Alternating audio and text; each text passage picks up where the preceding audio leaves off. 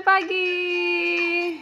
Happy Sunday. Welcome back. Halo semua teman-teman yang ada di podcast saya. Terima kasih teman-teman. Selalu stay tune. Semoga podcast yang saya bagi boleh terus berinspirasi dan memberkati teman-teman semua.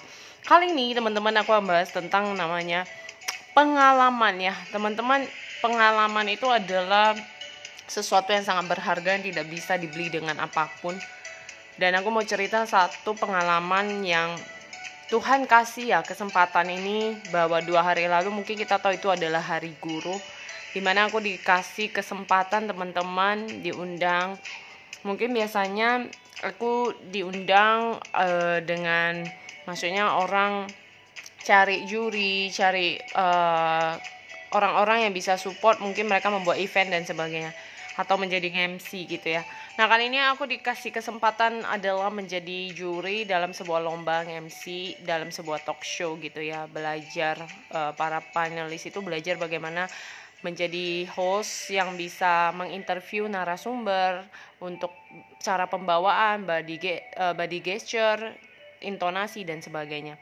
Nah ini adalah pengalaman pertama saya seumur hidup ya. Mungkin selama sekolah saya nggak kepikiran Tuhan day akan pakai aku jadi seorang guru Jadi seorang pelatih, seorang coach, seorang pembisnis, seorang public speaker, seorang juri.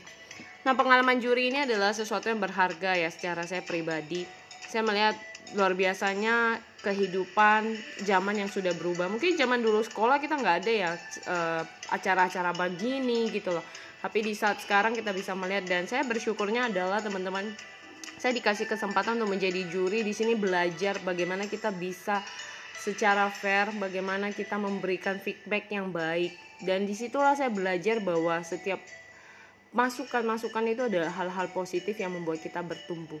Kadang dalam hidup itu tidak mudah ya teman-teman menerima feedback masukan yang kadang kita merasa apaan sih uh, kenapa merasa diri kita kok kurang dibanding orang lain atau merasa kenapa kita dijajing atau kita dinilai dan sebagainya.